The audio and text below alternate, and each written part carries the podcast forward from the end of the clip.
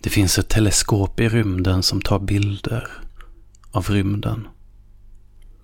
Jag såg en bild från en vrå av universum där hela gasmoln reste sig ur djupet och där stjärnljuset stack som nålar.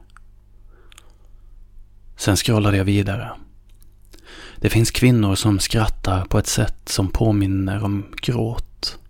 Det finns ett flöde i hjärnan som påminner om litteratur. Eller om livet, åtminstone.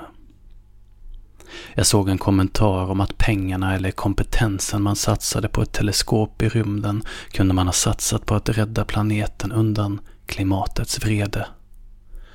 Som ett avlat. Vi har avlat en bäst och nu måste vi föda den, för den äter oss ur huset. Jag har ingen plats i rymden. Jag har en plats i Värmlands skog där bergen är klädda av blåa höljen och tät skog. Haren skuttar fram på gräsmattan och sedan, likt en pensionär, glider robotgräsklipparen fram. Jag letar stimuli i svarta skogar. Naturens hårhus som saknar moraliska varelser. Moder Jord har en plats mellan skinkorna för barn med insugna magar. Jag avlade examen från Glömskans universitet, vårt normaliseringsinstitut. Men när jag kom till arbetsgivaren sa de att dokumenten var fejkade. Jag stoppades på den stora europeiska vägen. Tänk på dina ord, sa konstapeln. För vart och ett av dem ska du dömas på den yttersta dagen. Men jag har ju inte Twitter, sa jag. Och då fick jag köra vidare.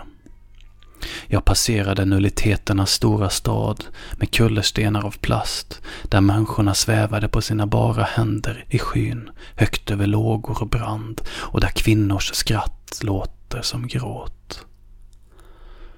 17 grader och solsken, stark vind och nästa dag molnigt. Att svimma i nulliteter att slunga sig högre på fågelkvitter, att lämna gemenskap, att sänkas av barngråt.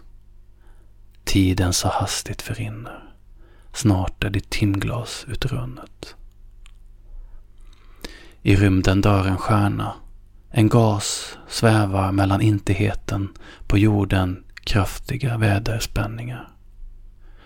Varför säger ingen att NASA är nassar när de pekar på hur små och obetydliga vi människor är? Vi är värda mycket mer än många stjärnor, men vi har själar tyngda av smutsiga stenar och vi vandrar på kullar stenar av plast med våra ömtåliga fingertoppar. Vi har avlat en bäst och nu måste vi föda den, för den äter oss ur huset. Och kvinnor gråter Kvinnor gråter i vackra hus. De skrattar så att det låter som om de gråter. De har inget Mårbacka, inga blånande berg att titta på, ingen skog att sluta sig i. De bara trycker sig närmare en husfasad